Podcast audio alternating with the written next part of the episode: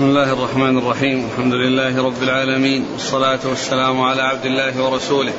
نبينا محمد وعلى آله وصحبه أجمعين. أما بعد فيقول الإمام الحافظ ابن ماجه القزويني رحمه الله تعالى يقول في سننه باب الصلاة على النبي صلى الله عليه وسلم. قال حدثنا أبو بكر بن أبي شيبة قال حدثنا خالد بن مخلد حاء قال وحدثنا محمد بن المثنى قال حدثنا أبو عامر قال أنبانا عبد الله بن جعفر عن يزيد بن الهاد عن عبد الله بن خباب عن أبي سعيد الخدري رضي الله عنه أنه قال قلنا يا رسول الله هذا السلام عليك قد عرفناه فكيف الصلاة؟ قال قولوا اللهم صل على محمد عبدك ورسولك كما صليت على إبراهيم وبارك على محمد وعلى آل محمد كما باركت على إبراهيم.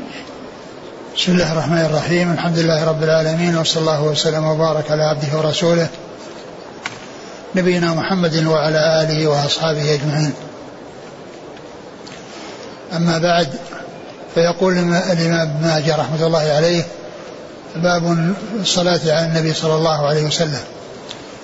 لما ذكر التشهد في الصلاة في الصلاة يعني سواء كان في وسطها اللي هو التشهد الأول أو في آخرها الذي هو التشهد الأخير الذي يعقبه السلام ذكر الصلاة على النبي صلى الله عليه وسلم.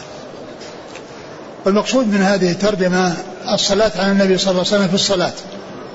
الصلاة على النبي محمد صلى الله عليه وسلم في الصلاة. والصلاة على النبي عليه الصلاة والسلام آه، سأل عنها أصحاب رسول الله صلى الله عليه وسلم الرسول عليه الصلاة والسلام كيف يصلون عليه؟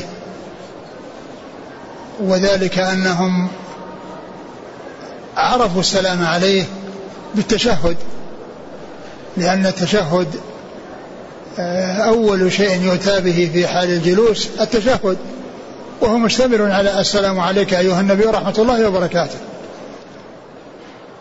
ف وقد أمروا بالصلاة والسلام عليه عليه الصلاة والسلام فسألوا كيف يصلون عليه وقد عرفوا كيف يسلمون عليه. ولهذا قال أبو سعيد قالوا أنهم قالوا يا رسول الله هذا السلام عرفناه.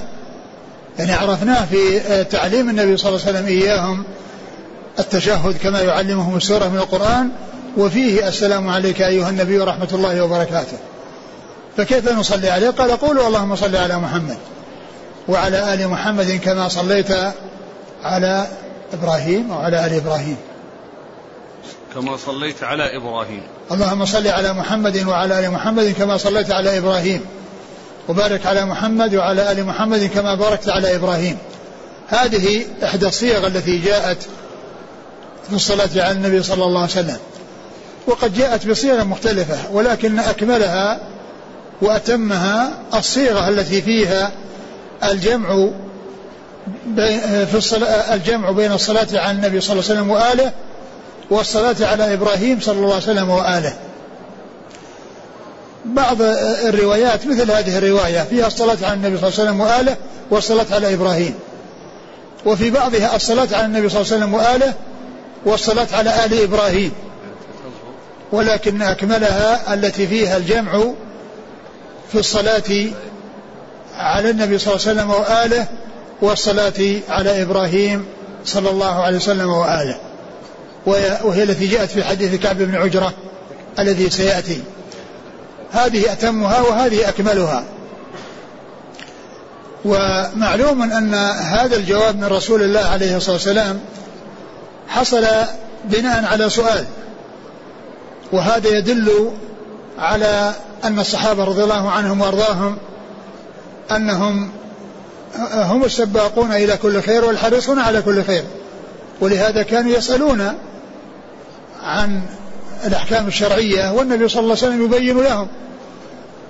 فهم سألوا والنبي عليه الصلاة والسلام أجابهم بهذا الجواب الذي جاء في رواية متعددة ولكن أكملها الصيغة التي جاءت في حديث كعب بن عجرة رضي الله عنه. ولهذا قال بعض أهل العلم آه، إن إن النبي عليه الصلاة والسلام لما سئل عن الصلاة وأجاب بهذا الجواب دل على أن هذه أحسن صيغة وأفضل صيغة. لأنه لو كان هناك شيء أحسن منها لبينه الرسول عليه الصلاة والسلام. لأنهم سألوه كيف يصلون فأجابهم. فلو كان هناك جواب أحسن من هذا الجواب وصيغة أحسن من هذه الصيغة لبينها رسول الله عليه الصلاة والسلام. ولهذا قال بعض أهل العلم لو أن إنسانا حلف أن يصلي على النبي صلى الله عليه وسلم أفضل صلاة فإنه يكون بارا بيمينه إذا صلى الصلاة الإبراهيمية. لأن لأن النبي صلى الله عليه وسلم سئل هذا السؤال وأجاب بهذا الجواب. ولو كان هناك جواب أحسن منه أو صيغة أفضل منها لبينها رسول الله صلى الله عليه وسلم. ولهذا نجد أن بعض الناس يعنون بصلوات ما جاءت في سنة الرسول صلى الله عليه وسلم ويحرصون عليها ويغفلون عن الصيغ الصحيحة التي جاءت في صحيح البخاري وصحيح مسلم فلا يعرجون عليها وإنما يأتون بالصيغ التي هي ليس لها أساس. ولم تكن آه، جاءت عن رسول الله صلى الله عليه وسلم ولا عن أصحابه الكرام رضي الله عنهم وأرضاهم. ولا شك أن ما أخبر به النبي صلى الله عليه وسلم وهو الذي وهو أنصح الناس للناس وهو أفصح وهو أفصح وهو أفصح الناس لسانا وأكملهم نصحا وقد سئل فأجاب والذين سألوه هم الحريصون على كل خير والسابقون لكل خير لو كان هناك جواب أحسن لبينه الرسول صلى الله عليه وسلم. إذا هذه الصيغة هي الصيغة التي ينبغي الإنسان أن يحرص عليها وأن يأتي بها وأن يجمع فيها أيضا أو أن يأتي بالصيغة التي هي أتم وأكمل من هذه الصيغ الثابتة عن رسول الله صلى الله عليه وسلم وهي الصيغة التي فيها الجمع في الصلاة على النبي صلى الله عليه وسلم آه، في الصلاة على النبي صلى الله عليه وسلم وآله والصلاة على إبراهيم صلى الله عليه وسلم وآله. نعم. قال حدثنا أبو بكر بن أبي شيبة. ثقة أخرج أصحاب الكتب إلى الترمذي. عن خالد بن مخلد. وهو القطواني وهو صدوق أصحاب الكتب إلا أبا داود نعم. في مسند مالك. نعم. حا قال وحدثنا محمد بن المثنى.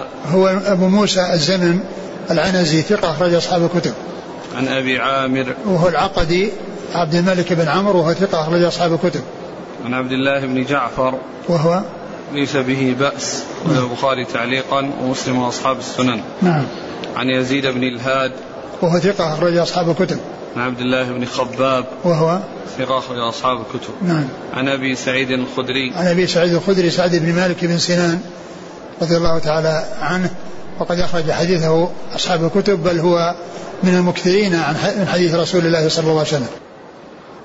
قال حدثنا علي بن محمد قال حدثنا وكيع قال حدثنا شعبة حا قال وحدثنا محمد بن بشار قال حدثنا عبد الرحمن بن مهدي ومحمد بن جعفر قال حدثنا شعبة عن الحكم قال سمعت ابن أبي ليلى قال لقيني كعب بن عجرة رضي الله عنه فقال ألا أهدي لك هدية؟ خرج علينا رسول الله صلى الله عليه وسلم فقلنا قد عرفنا السلام عليك فكيف الصلاة عليك؟ قال قولوا اللهم صل على محمد وعلى آل محمد كما صليت على إبراهيم إنك حميد مجيد. اللهم بارك على محمد وعلى آل محمد كما باركت على إبراهيم إنك حميد مجيد. ثم ذكر حديث كعب بن عجرة وقد ذكره الإمام ماجه على الصيغة التي جاءت في حديث أبي آه، سعيد الخدري المتقدم وهي الصلاة على إبراهيم دون ذكر آل إبراهيم لكنها جاءت في صحيح البخاري حديث كعب بن عجرة هذا جاء في صحيح البخاري بلفظ الجمع بين إبراهيم والآل حيث قال عليه الصلاة والسلام قولوا اللهم صل على محمد وعلى آل محمد. كما صليت على إبراهيم وعلى آل إبراهيم. إنك حميد مجيد. اللهم بارك على محمد وعلى آل محمد كما باركت على إبراهيم وعلى آل إبراهيم. إنك حميد مجيد. إذا الإمام ماجه ذكر الحديث. هنا مثل الحديث عن أبي سعيد. ليس فيه إلا ذكر إبراهيم دون آله. ولكن حديث كعب بن عجرة هذا جاء في صحيح البخاري في بعض المواضع في كتاب الدعوات. بهذا اللفظ الله الذي هو الجمع بين الصلاة على النبي صلى الله عليه وسلم وآله والصلاة على إبراهيم صلى الله عليه وسلم وآله. وهذه أتمها وأكملها كما ذكرت.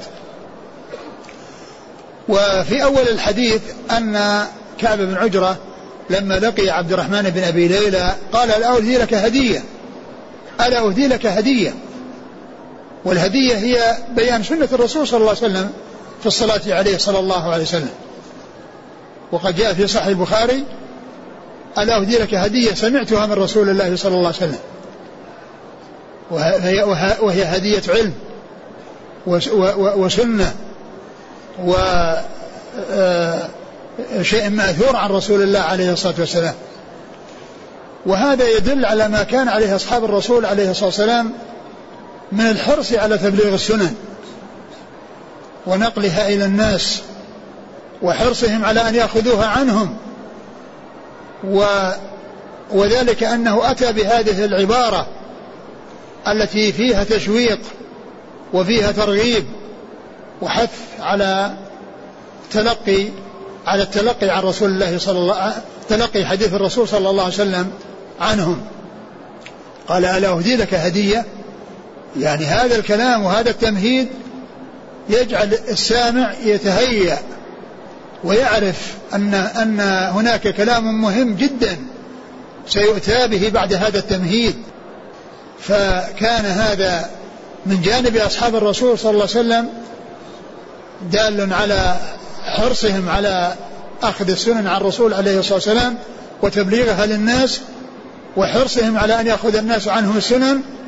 وكذلك أيضا التابعون الذين أو الصحابة الذين وكذلك أيضا كونهم هم أيضا سألوا الرسول صلى الله عليه وسلم عن كيف الصلاة عليه عليه الصلاة والسلام. ثم التابعون أخذوا منهم وهذا الكلام قاله كعب بن عجرة لأحد التابعين وهو عبد الرحمن بن أبي ليلى. ألا أهدي لك هدية؟ يريد من وراء ذلك أنك أن عبد الرحمن بن ليلى يتهيأ ويستعد حتى يستوعب كل ما يلقى عليه لأن التمهيد بهذا التمهيد يدل على أهمية ما سيلقى. وهذا كما عرفت دال على فضل أصحاب الرسول صلى الله عليه وسلم وعلى أنهم الذين جعلهم الله بيننا وبين بين الرسول صلى الله عليه وسلم واسطة فلم نعرف كتابا ولا سنة وما عرفنا حقا ولا هدى إلا عن طريق الصحابة وهم الذين شرفهم الله بصحبته وهم الذين جاهدوا معه وذبوا عنه وفدوه بأرواحهم وأموالهم وأنفسهم وكذلك أيضا تلقوا الكتاب والسنة عنه وبلغوهما للناس فصاروا هم الواسطة بين الناس وبين رسول الله صلى الله عليه وسلم ولهذا آه، كان لهم من الأجر ولهم من الفضل ولهم من الثواب ما ليس لغيرهم لأن النبي عليه الصلاة والسلام قال من دل على هدى كان له من أجر مثل أجور من تبعه لا ينقص ذلك من أجورهم شيئا. فإن كل سنة نقلها صحابي عن رسول الله صلى الله عليه وسلم فإن الله تعالى يثيب رسوله صلى الله عليه وسلم بمثل ما أثاب كل عامل من أمته ويثيب كل كل صحابي نقل سنة عن رسول الله صلى الله عليه وسلم بمثل ما يثيب كل من عمل بهذه السنة إلى يوم القيامة لأنهم لأن ذلك الصحابي الذي نقل هذه السنة هو الذي دل على هذا الخير. فكل من جاء بعده واستفاد من من من هذه الدلالة وعمل بهذه السنة التي تلقيت عن ذلك الصحابي فإن الله تعالى يعطي ذلك الصحابي مثل ما أعطى كل عامل عمل بهذه السنة عن رسول الله صلى الله عليه وسلم. وهذا يدل على عظيم أجرهم وثوابهم عند الله عز وجل لأن كل واحد له مثل أجور كل من جاء بعده. ممن أخذ بهذه السنة وعمل بهذه السنة يعطيه الله مثل أجره. ذلك فضل عظيم من الله وذلك ثواب كبير وجزيل من الله عز وجل لأصحاب رسول الله صلى الله عليه وسلم. نعم.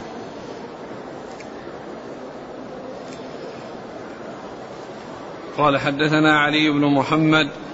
هو الطنافسي ثقة أخرجه النسائي في مسند علي وابن ماجه. عن وكيع وكيع بن الجراح الرؤاسي الكوفي ثقة أخرج أصحاب الكتب. عن شعبة. شعبة بن الحجاج ثقة أخرج أصحاب الكتب. قال وحدثنا محمد بن بشار.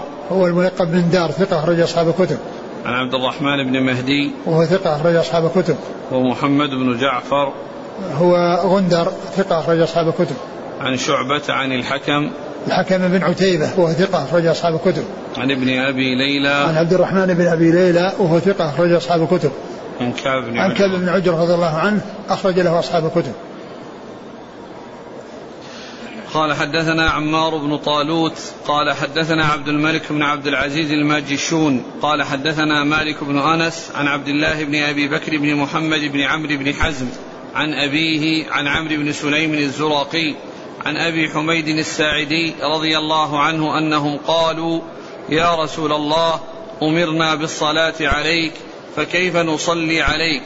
فقال قولوا اللهم صل على محمد وأزواجه وذريته كما صليت على إبراهيم وبارك على محمد وأزواجه وذريته كما باركت على آل إبراهيم في العالمين إنك حميد مجيد. ثم ذكر هذا الحديث عن أبي حميد الساعدي وهو مثل حديث الحديث السابقة صلاة على النبي صلى الله عليه وسلم وآله وابراهيم ولكنه هنا جاء توضيح الآل أو بعض الآل لأن قال أزواجه وذريته. أزواجه وذريته وهؤلاء هم من آله لأن آل آل الرسول صلى الله عليه وسلم هم يعني أهل البيت هم كل كل مسلم ومسلمة من نسل عبد المطلب. كل مسلم ومسلم من نسل عبد المطلب. لأن عبد المطلب هو ابن هاشم وهاشم ليس له نسل إلا عن طريق عبد عبد المطلب. يعني نسله كله محصور في عبد المطلب. فإذا كل مسلم من أولاد عبد عبد المطلب فهو من أهل البيت الذين تحرم عليهم الصدقة الذين تحرم عليهم الصدقة. وهنا ذكر بعض أهل البيت ونص على الزوجات وأنها من جملة الآل كما أن الذرية من جملة الآل. ولكن لا يعني ذلك قصر الآل على النساء على على الذرية والأزواج وإنما يعني هؤلاء يعني من من من, من جملتهم أو من يعني أقربهم وأمكنهم وأقواهم صلة برسول الله صلى الله عليه وسلم. وإلا فإن الآل أكثر أعم من من من, ذكر الأزواج والذرية. ولكن التنصيص علي عليهم دال على أنهم من أولى من يدخل تحت ذكر الآل. اللهم صل على محمد وأزواجه وذريته كما صليت على إبراهيم. وبارك على محمد وأزواجه وذريته كما صليت على إبراهيم في العالمين إنك حميد مجيد. كما باركت على إبراهيم في العالمين إنك حميد مجيد. فهذا آه، مثل ما تقدم في الأحاديث.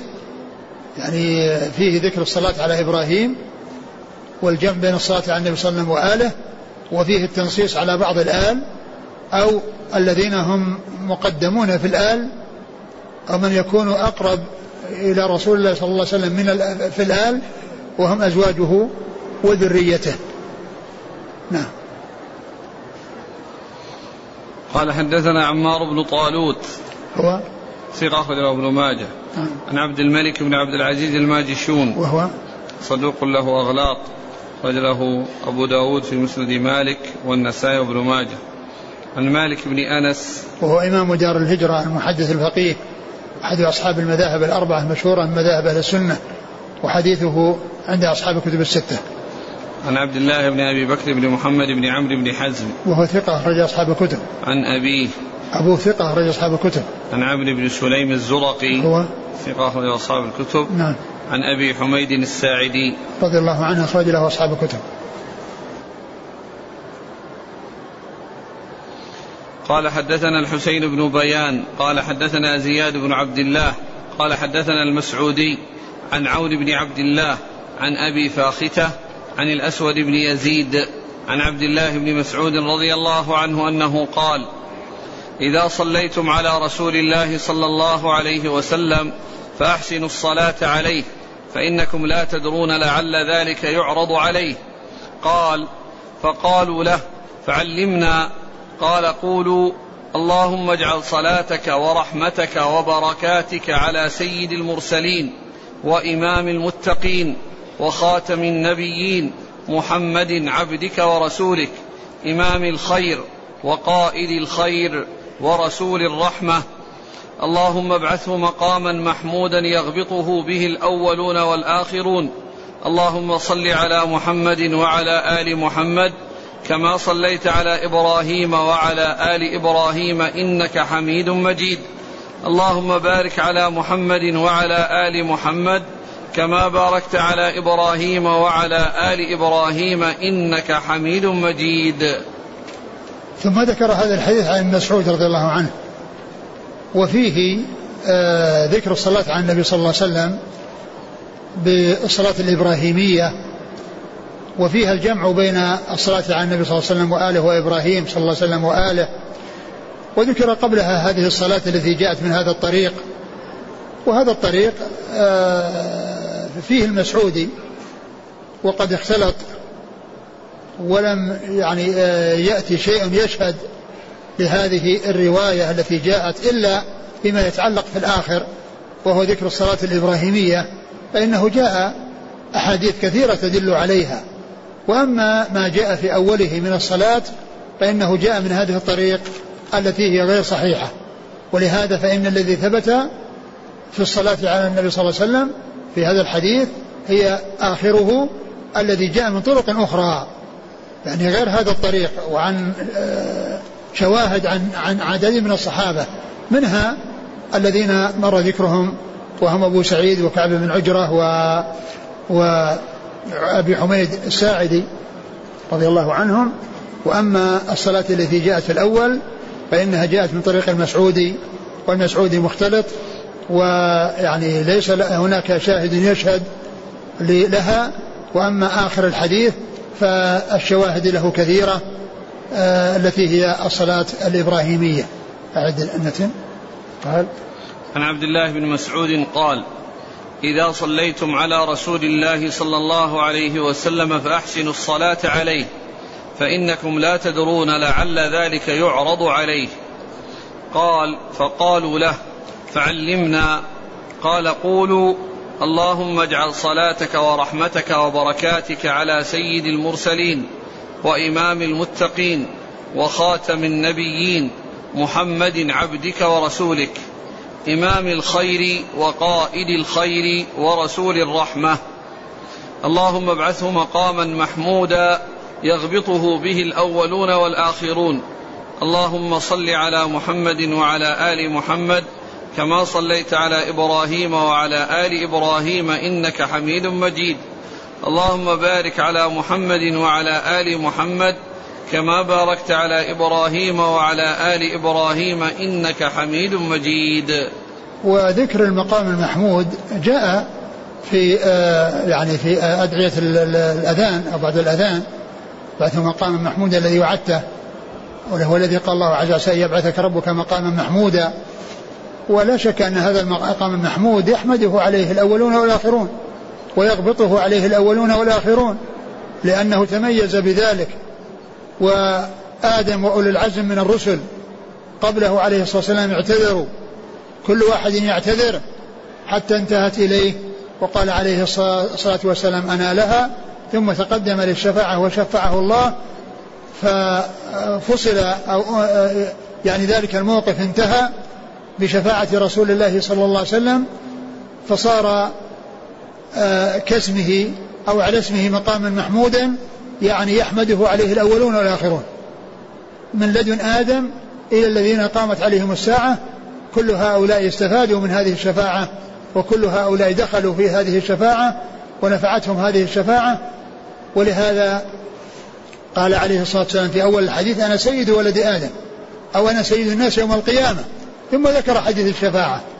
وذلك أن أن أن أن, أن هذا السؤدد يعني آه، وكان صلى الله عليه وسلم سيد الناس في الدنيا والآخرة لكنه قال أنا سيد الناس يوم القيامة لأنه ظهر سؤدده على الجميع من لدن آدم إلى الذين قامت عليهم الساعة.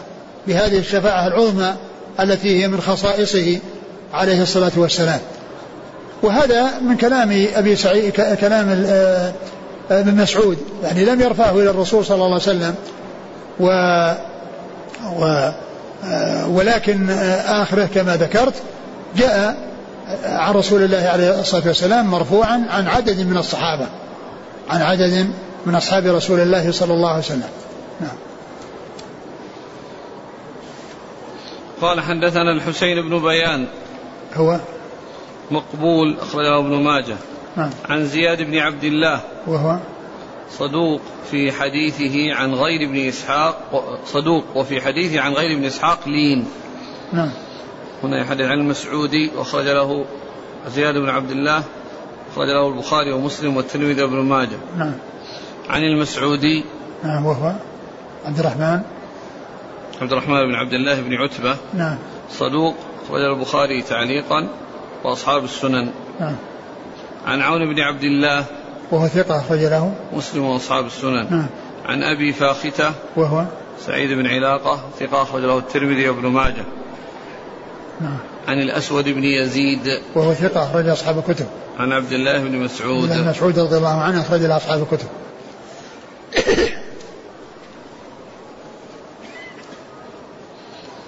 قال حدثنا بكر بن خلف أبو بشر قال حدثنا خالد بن الحارث عن شعبة عن عاصم بن عبيد الله قال سمعت عبد الله بن عامر بن ربيعة عن أبيه رضي الله عنه عن النبي صلى الله عليه وسلم أنه قال ما من مسلم يصلي علي إلا صلت عليه الملائكة ما صلى علي فليقل العبد فليقل العبد من ذلك أو ليكثر. ثم ذكر هذا الحديث في فضل الصلاة على الرسول صلى الله عليه وسلم.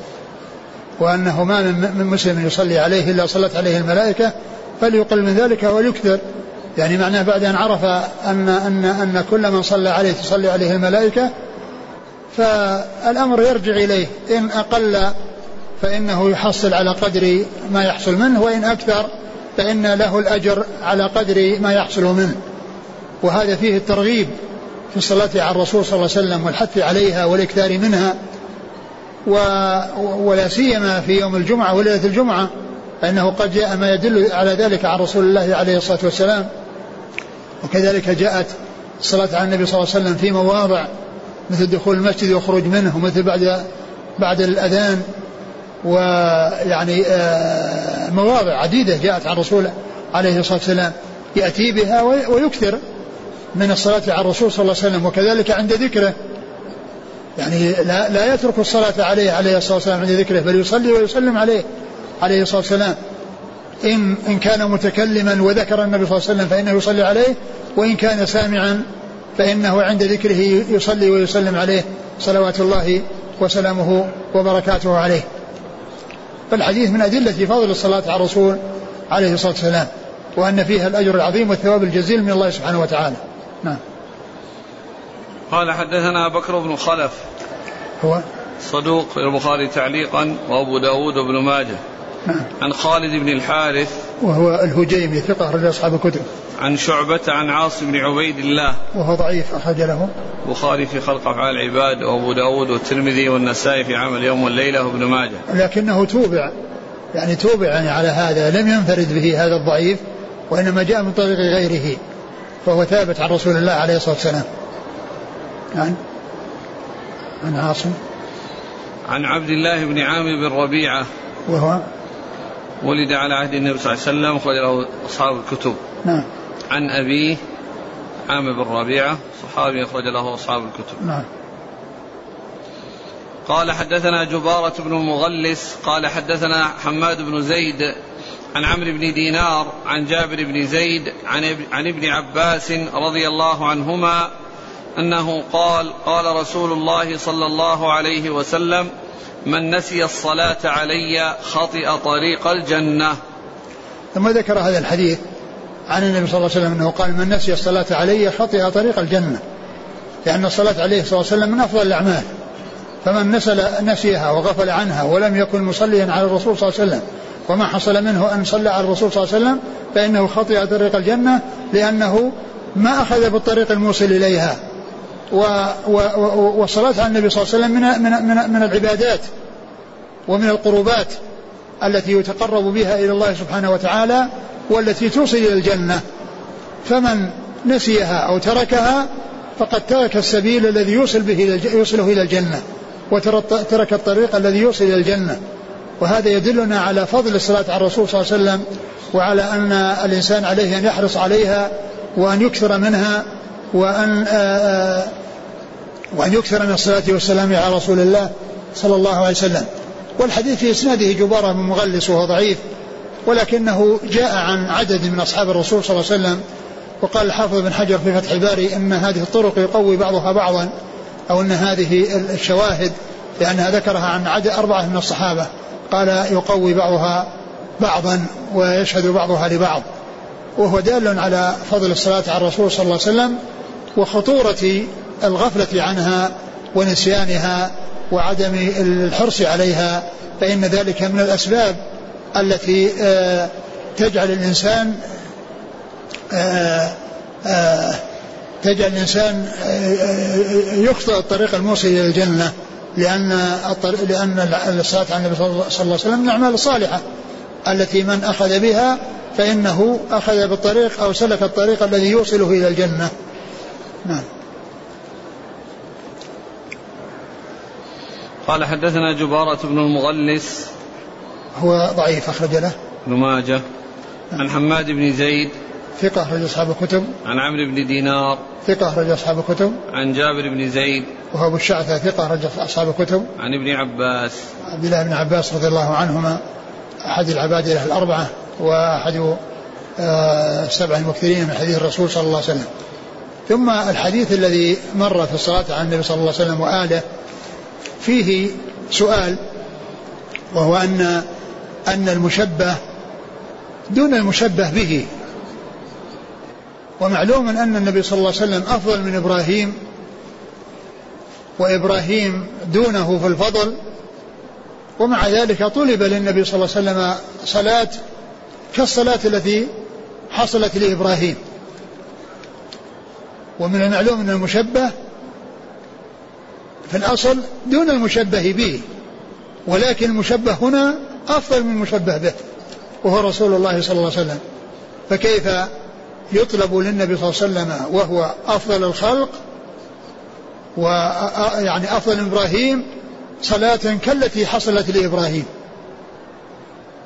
وقد أجاب العلماء عن هذا بأن بأجوبة منها أن أن, أن, أن أنه إذا حصل للنبي صلى الله عليه وسلم وآله آه الصلاة التي أو مثل الصلاة التي حصلت لإبراهيم صلى الله عليه وسلم وآله وهم كثيرون وفيهم الأنبياء فإن هذا الذي حصل لأولئك إذا حصل للرسول صلى الله عليه وسلم وآله فإنه شيء كثير.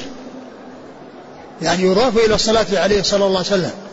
فإذا كان يكون نصيبه أكثر يعني اجتمع له يعني من الفضل واجتمع له من علو الذكر ما لم يحصل لغيره لأنه حصل له الصلاة وهو وهو من وحصل له مثل الصلاة اللي حصلت لإبراهيم وهم كثيرون وفيهم الأنبياء.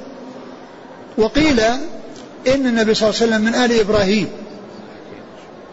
فإذا صلي عليه ثم جاءه نصيب من آل إبراهيم فإنه يكون أكثر أي المشبه به المشبه أكثر من المشبه به لأنه حصل له ما حصل له ولكونه من آل إبراهيم جاءه نصيب لأنه من آل إبراهيم فصار أعظم الذي للرسول صلى الله عليه وسلم أعظم من الذي لإبراهيم. هذا من الأجوبة التي ذكرها العلماء في الجواب عن هذا السؤال وهو كيف يكون كيف كيف يطلب للنبي صلى الله عليه وسلم صلاة من الصلاة التي حصلت إبراهيم وآله مع أن نبينا محمد صلى الله عليه وسلم أفضل من إبراهيم. ومعلوم أن المشبه أعلى من المشبه المشبه به أعلى وهذا المشبه أعلى من المشبه به. فذكروا أو من جملة ما ذكروه هذا الجواب. نعم. هذا سؤال عن حكم الصلاة الإبراهيمية في التشهدين الأول والآخر. أما بالنسبة للتشهد الأول فإنها واجبة تجبر يجبر بسجود السهو. يعني الصلاة الصلاة الصلاة الصلاة, الصلاة الإبراهيمية في التشهد الأول هي مستحبة وليست بواجبة. لأن الإنسان لو لم يأتي بها ليس عليه شيء. وأما بالنسبة للتشهد الأخير فمن العلماء من قال بأنها ركن ومنهم من قال بوجوبها ومنهم من قال باستحبابها. ولا شك أن الإنسان يحرص عليها ولا يتساهل فيها. وبالنسبة للتشهد الأول أيضا كذلك تشرع لأن السؤال الذي حصل في من جملة الأحاديث التي الأسئلة سئل الرسول صلى الله عليه وسلم عنها في الصلاة الإبراهيمية قال يا رسول الله علم قد علمنا كيف كيف نصلي عليك. إذا نحن صلينا عليك في صلاتنا. فإن قد عرفنا كيف نسلم عليك. ومن المعلوم أن السلام حاصل في التشهد الأول والتشهد الثاني. يعني التشهد الأول فيه سلام والتشهد الأول الأخير فيه سلام. على الرسول صلى الله عليه وسلم. السلام عليك أيها النبي ورحمة الله وبركاته. فإذا قوله نصلي عرفنا كيف نسلم عليك فكيف نصلي؟ وجاء الجواب بهذا مع أنهم يسلمون على النبي صلى الله عليه وسلم في التشهد الأول والتشهد الأخير فكذلك أيضا يصلون على النبي صلى الله عليه وسلم في التشهد الأول والتشهد الأخير. إلا أن التشهد الأخير بعض العلم قال إنه ركن بعضهم قال إنه واجب. وأما التشهد فقد عرفنا أنه في التشهد الأول واجب وليس بركن لأنه يجبر بسجود السهو كما جاء في حديث عبد الله بن بحينة يقول السائل هل يمكن أن نعين الصلاة على آل النبي صلى الله عليه وسلم مثل قولنا اللهم صل على محمد وعلى عائشة وعلى فاطمة وعلى كذا؟ ليس الإنسان أنه يجمع يعني هذا الكلام وإنما يأتي به عامة اللهم صل على محمد وعلى محمد أو على أزواجه وذريته. أما كونه يروح يعدد أقول يعدد آل البيت ويعدد يعني كذا وصلي على العباس وصلي على ابن عباس وصلي على جعفر وصلي على كذا هذا ما ما ما نعلم له أساس والعموم هم داخلون فيه ولا وليس هناك حاجة إلى التطويل. أحاديث فضل الصلاة على النبي صلى الله عليه وسلم هل المقصود بها الصلاة الإبراهيمية الواردة أو حتى مثلا لو قال الإنسان عليه الصلاة والسلام. الصلاة الإبراهيمية هي أكمل من غيرها وأما الصلاة على الرسول صلى الله عليه وسلم والذي فيه الفضل فإنه يكون فيها وفي غيرها. لأن الصلاة عليه صلى الله عليه وسلم عند ذكره ما تكون الصلاة الإبراهيمية وإنما صلى الله عليه وسلم وعليه الصلاة والسلام. لأنه لو أتي بالصلاة الإبراهيمية ينسى الموضوع الذي كان الناس يشتغلون فيه. لكن كون يقول صلى الله عليه وسلم ويمشي يعني وجدت الصلاة على النبي صلى الله عليه وسلم. لكن كون إذا جاء ذكر النبي صلى الله عليه وسلم يروح يقف. يعني يأتي بالصلاة الإبراهيمية هذا لا ما, ما نعلم شيء يدل عليه وإنما مثل ما كان الصحابة رضي الله عنهم وأرضاهم إذا ساقوا الحديث إلى الرسول صلى الله عليه وسلم يقولون قال رسول الله صلى الله عليه وسلم ما يقول قال رسول الله اللهم صل على محمد وعلى ال محمد كما صليت على إبراهيم وعلى ال إبراهيم انك حميد مجيد يروح يدخل في الموضوع وانما يصلي عليه الشيء الذي يؤدي الصلاه عليه اللهم صل صلى الله صلى الله عليه وسلم أو عليه الصلاة والسلام. هذه كتب الحديث مملوءه كلها عن, عن فلان الصحابي قال قال رسول الله صلى الله عليه وسلم. سمعت رسول الله. هذا كلامهم هذا مو كلام يعني الناس اللي جاءوا بعد. هذا كلام الصحابة. لأنهم حتى يعني أحيانا يذكرون قال قال النبي قال قال رسول الله. قال قال النبي صلى الله عليه وسلم قال قال رسول الله صلى الله عليه وسلم. يعني حتى الآن كلمة النبي والرسول أحيانا ينصون عليها. فلان قال للنبي وفلان قال للرسول. كل ذلك محافظة على الألفاظ التي جاءت عنهم. فإذا الصلاة التي تأتي عند ذكره إنما هي المختصرة التي صلى الله عليه وسلم أو عليه الصلاة والسلام. ولهذا يقول يذكرون في علم المصطلح عند كتابة الحديث قالوا إنه يحرص على كتبة صلى الله عليه وسلم عند ذكره صلى الله عليه وسلم ولا يرمز لها بحرف صاد أو بحروف أخرى وإنما يأتي بها كاملة. قالوا وليحذر وهذا في علم المصطلح وليحذر عند كتابتها يعني أن أن يكون فيها نقصان إما نقص في اللفظ أو نقص في المعنى. قالوا في النقص في اللفظ كان يرمز لها بصاد أو صلعا مثل ما يذكر بعض الكتاب أو بعض النساخ. قال الفيروزبادي في كتابه الصلاة والبشر في الصلاة على خير البشر صلى الله عليه وسلم قال وإذا كتب يكتب صلى الله عليه وسلم. ولا يرمز لها بصاد أو صلعا كما يقوله بعض الكسالى وعوام الطلبة لأن هذا من الكسل. كون الإنسان يكتب صاد ولا يكتب صلى الله عليه وسلم يكتب صلى الله عليه وسلم. فيحذر أن تكون ناقصة لفظا بأن لا يكون لفظ موجود أو ناقصة معنى بأن يقول عليه السلام دون أن يقول عليه الصلاة أو يقول صلى الله عليه دون أن يقول وسلم. بل يرشدون ويحثون على أن يجمع بين الصلاة والسلام عليه صلى الله عليه وسلم ليكون بذلك ممتثلا لقوله لقول الله سبحانه وتعالى يا أيها الذين آمنوا صلوا عليه وسلموا تسليما. يا أيها الذين آمنوا صلوا عليه وسلموا تسليما. فعند ذكره عليه الصلاة والسلام يقال صلى الله عليه وسلم أو عليه الصلاة والسلام. هاتان صيغتان مختصرتان موجودة في كتب الحديث في أول قبل أول قبل كل حديث يقول الصحابي قال رسول الله صلى الله عليه وسلم. أو سمعت رسول الله صلى الله عليه وسلم يقول أو فعل رسول الله صلى الله عليه وسلم كذا أمر رسول الله صلى الله عليه وسلم بكذا نهى رسول الله صلى الله عليه وسلم عن كذا وهكذا فإذا الصلاة الإبراهيمية هي الأكمل ولكن عند ذكره يؤتى بالصلاة المختصرة التي هي صلى الله عليه وسلم أو عليه الصلاة والسلام. قال رحمه الله تعالى باب ما يقال بعد التشهد والصلاة على النبي صلى الله عليه وسلم.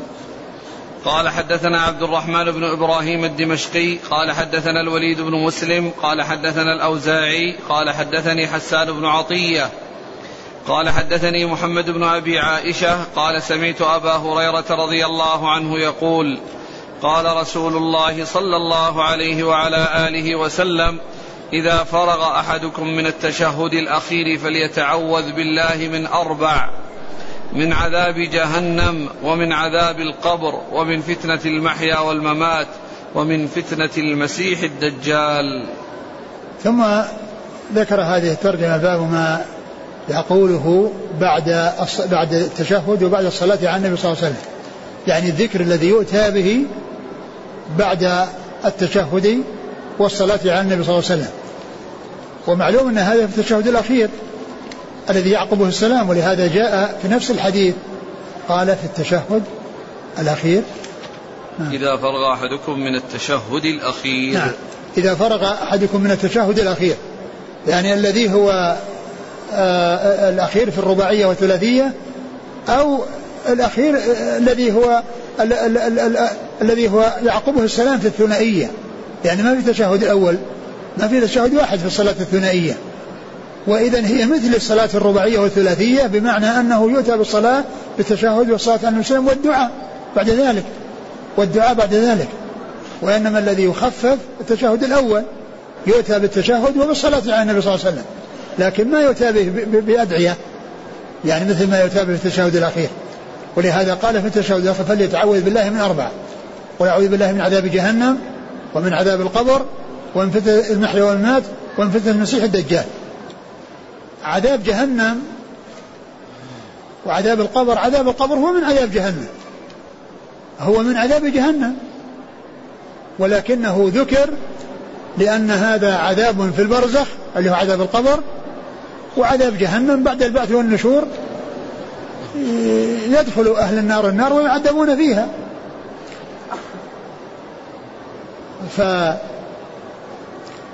وعذاب القبر هو من عذاب النار كما جاء في حديث البراء بن عازب رضي الله عنه أنه بعدما يسأل في قبره عن ربه ودينه ونبيه إذا كان موفقا يفتح له باب إلى الجنة كما جاء في حديث البراء فيفتح له باب إلى الجنة فيأتيه من روحها ونعيمها وإن كان بخلاف ذلك فتح له باب إلى النار فيأتيه من حرها وسمومها.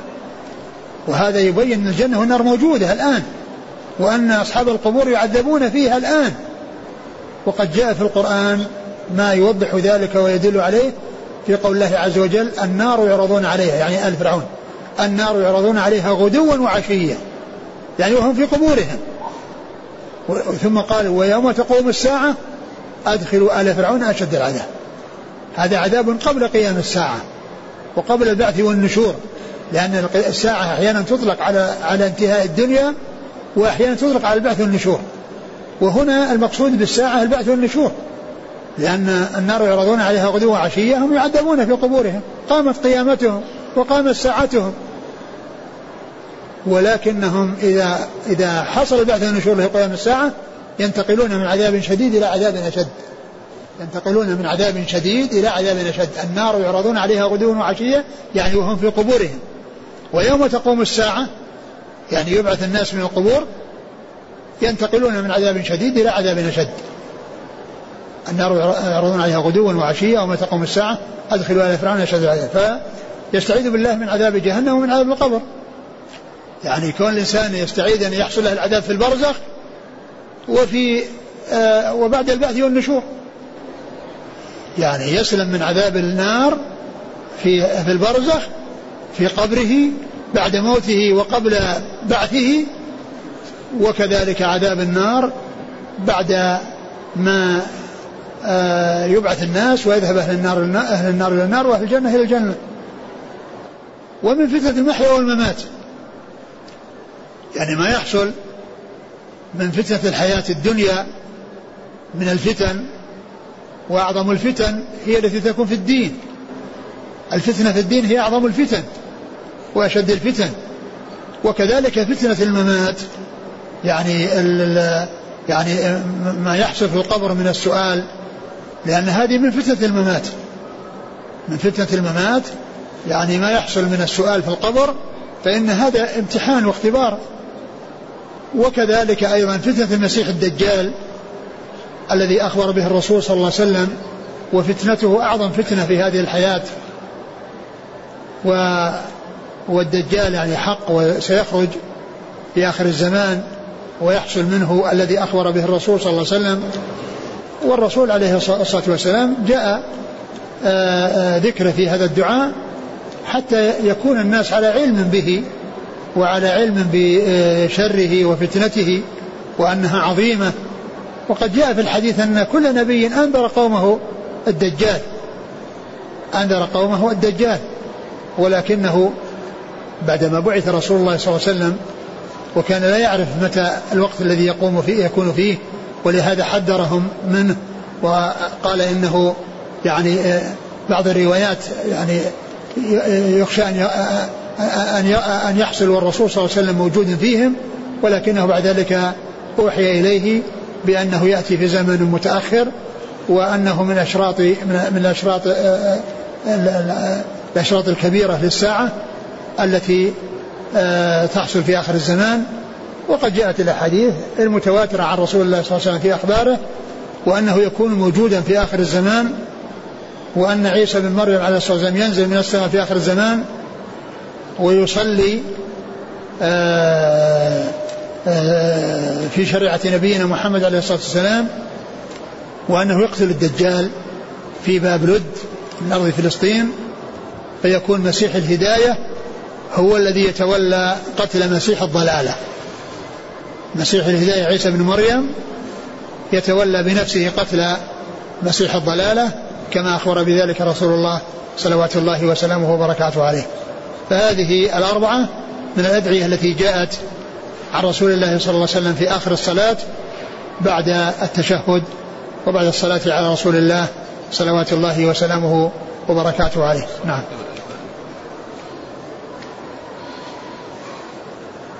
قال حدثنا عبد الرحمن بن إبراهيم الدمشقي هو ملقب دحيم وهو ثقة أخرج له البخاري وأبو داود والنسائي بن ماجه نعم عن الوليد بن مسلم وهو ثقة أخرج أصحاب الكتب. عن الأوزاعي وهو عبد الرحمن بن عمرو الأوزاعي ثقة أخرج أصحاب الكتب.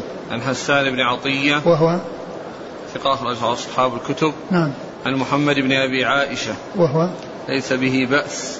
أخرج له البخاري في القراءة ومسلم وأبو داود والنسائي وابن ماجه. نعم.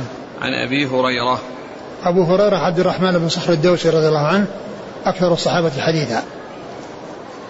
ما حكم التعوذ بالله من هذه الأربع في التشهد الأخير مع وجود بعض العلماء قال بوجوبه وأكثر العلماء قالوا على استحبابه والذي ينبغي الإنسان أن يحرص عليه. وأن يأتي به. وبعض العلماء قال بوجوبه. قال حدثنا يوسف بن موسى القطان قال حدثنا جرير عن الأعمش عن أبي صالح عن أبي هريرة رضي الله عنه أنه قال قال رسول الله صلى الله عليه وسلم لرجل ما تقول في الصلاة؟ قال أتشهد ثم أسأل الله الجنة. وأعوذ به من النار. أما والله ما أحسن دندنتك ولا دندنة معاذ. فقال حولها ندندن. ثم ذكر هذا الحديث عن أبي هريرة وهو أن رجلا أن النبي صلى الله عليه وسلم رجلا ما تقول في الصلاة قال أتشهد وأسأل الله الجنة وأعوذ به من النار. يعني عندي هاتين الكلمتين أسأل الله الجنة وأعوذ به من النار. ولا أحسن دندنتك ودندنه معاذ. يعني الادعيه الكثيرة التي آه، تأتي بها وتذكرها. أنا لا أحسنها ولكنني أسأل الله عز وجل هذين الشيئين. أسأل الله الجنة وأعوذ به من النار. فالنبي صلى الله عليه وسلم قال حولها ندندن يعني كل الأدعية التي نأتي بها كلها حول ال تنتهي أو ترجع إلى أن الإنسان يحصل الجنة ويسلم من عذاب النار ويسلم من النار. و وعلى هذا وكل إنسان يعني يسأل الله الجنة ويسأله ويستعيذ به من النار. يعني آه كما جاء في هذا الحديث أو كما دل عليه هذا الحديث يعني آه يعني هذا مما ينبغي. ولهذا يعني آه يعني بعض الناس يأتي بهذا الذكر ربنا آتنا في الدنيا حسنة وفي الآخرة حسنة وقنا عذاب النار. ربنا آتنا في الدنيا حسنة وفي الآخرة حسنة وقنا عذاب النار. وهذا من أجمع الأدعية. والنبي صلى الله عليه وسلم كان يدعو به كثيرا. وحسنة الدنيا كل خير وكل شيء سار وكل شيء يعني مريح ومفيد. يعني من من من من, من المال والصحة والعافية والزوجة والولد وأنواع آه، الحياة الدنيا أو زينة الحياة الدنيا. والحسنة الآخرة كل ما يحصل في الآخرة من النعيم وأعلى ذلك رؤية الله عز وجل. ولهذا الكلمتان مختصرتان ويدخل تحتهما كل ما هو من خير الدنيا وكل ما هو من خير الآخرة. ويضيف إلى ذلك والعياذ بالله من النار. ربنا آتنا في الدنيا حسنة وفي الآخرة حسنة وقنا عذاب النار. قال حدثنا يوسف بن موسى القطان. هو؟ صدوق في البخاري وأبو داود والترمذي والنسائي في مسند علي وابن ماجه. نعم. عن جرير. جرير بن عبد الحميد الضبي الكوفي ثقة رجل أصحاب الكتب. عن الأعمش. سليمان بن مهران ثقة رجل أصحاب الكتب. عن أبي صالح. ذكوان السمان ثقة رجل أصحاب الكتب. عن أبي هريرة. نعم.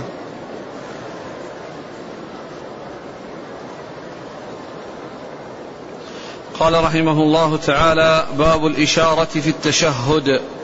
قال حدثنا أبو بكر بن أبي شيبة قال حدثنا وكيع عن عصام بن قدامة عن مالك بن نمير الخزاعي عن أبيه رضي الله عنه أنه قال رأيت النبي صلى الله عليه وسلم واضعا يده اليمنى على فخذه اليمنى في الصلاة ويشير بإصبعه. ثم ذكر الإشارة في التشهد. الإشارة يعني بالسبابة في تشهده يعني في الصلاة جاء عن رسول الله عليه الصلاة والسلام أنه كان يشير بإصبعه السبابة اليمنى يعني آآ آه، آآ آه، اليد اليمنى توضع على الفخذ اليسرى مع قبض الخنصر والبنصر ووضع الإبهام على الوسطى أو تحليق الابهام مع الوسطى بأن يكون يعني حلقة أو يعني يوضع بدون تحليق. هاتان ثابتتان عن رسول الله صلى الله عليه وسلم. هاتان الهيئتان ثابتتان عن رسول الله صلى الله عليه وسلم. ويشير يعني آه يعني يشير بإصبعه ويحركها عند الدعاء. اللهم صل على محمد اللهم بارك على محمد اللهم إني أعوذ بك من عذاب جهنم اللهم بك من عذاب القبر. يعني يحركها يدعو بها. وكذلك في التشهد. أشهد أن لا إله إلا الله يشير يشير بها إلى الوحدانية وأن الله عز وجل هو الإله الحق الذي لا تكون العبادة إلا له. فإذا الإشارة بالأصبع وتحريكها ثابت عن رسول الله صلى الله عليه وسلم.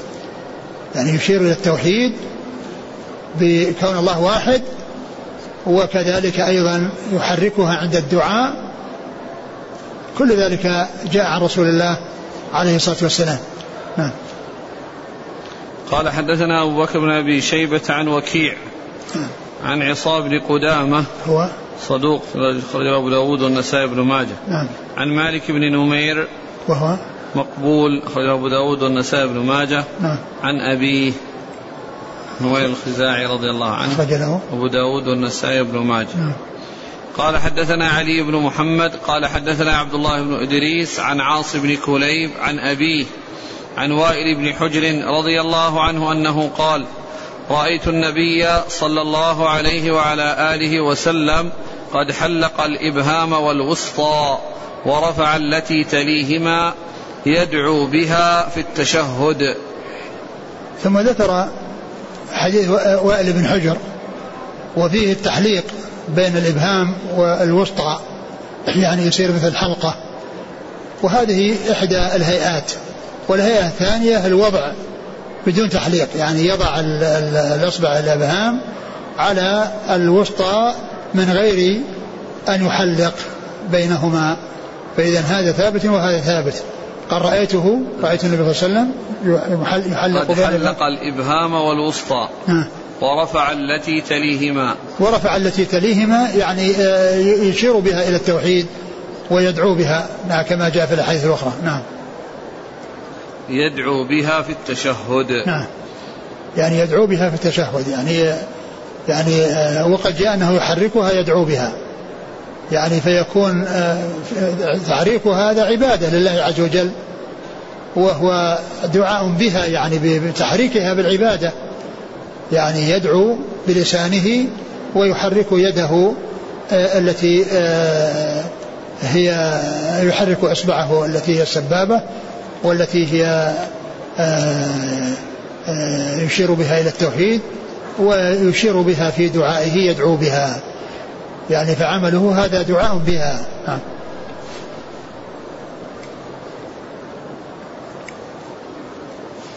قال حدثنا علي بن محمد عن عبد الله بن إدريس. عبد الله بن إدريس الأودي ثقة أخرج أصحاب الكتب.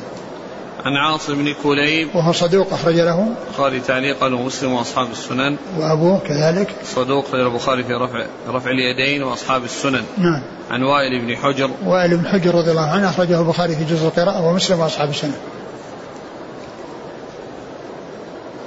قال حدثنا محمد بن يحيى والحسن بن علي وإسحاق بن منصور.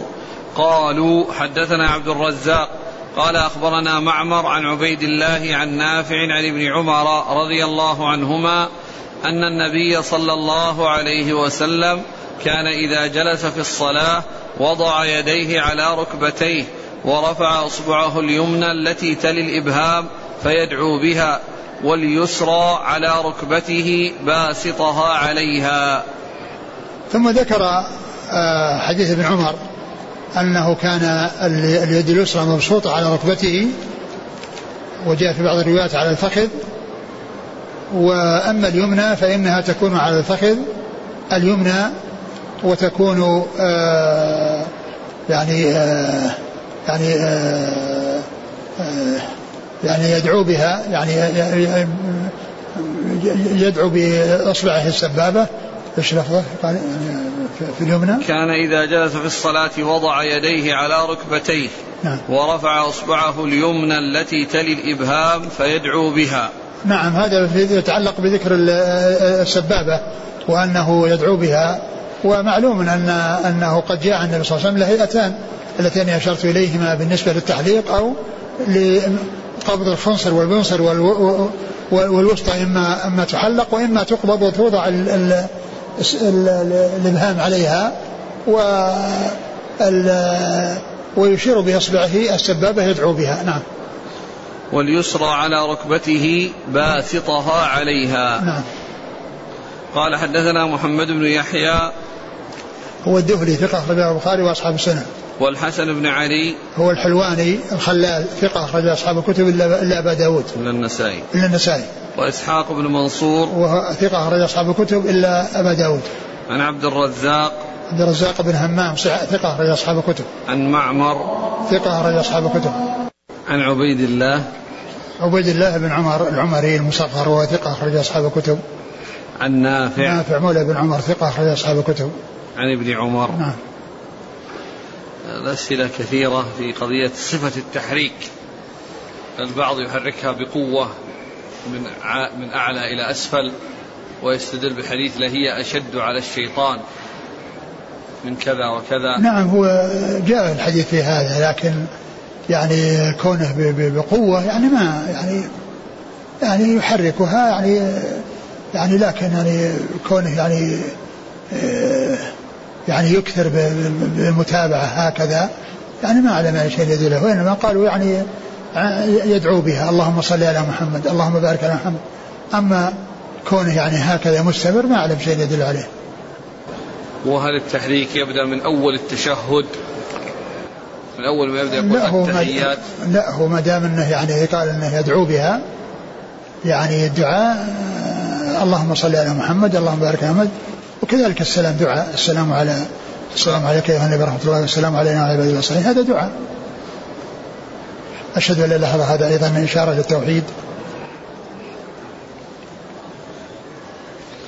قال رحمه الله تعالى باب التسليم. والله تعالى أعلم وصلى الله وسلم وبارك على عبده ورسوله نبينا محمد وعلى آله وأصحابه أجمعين.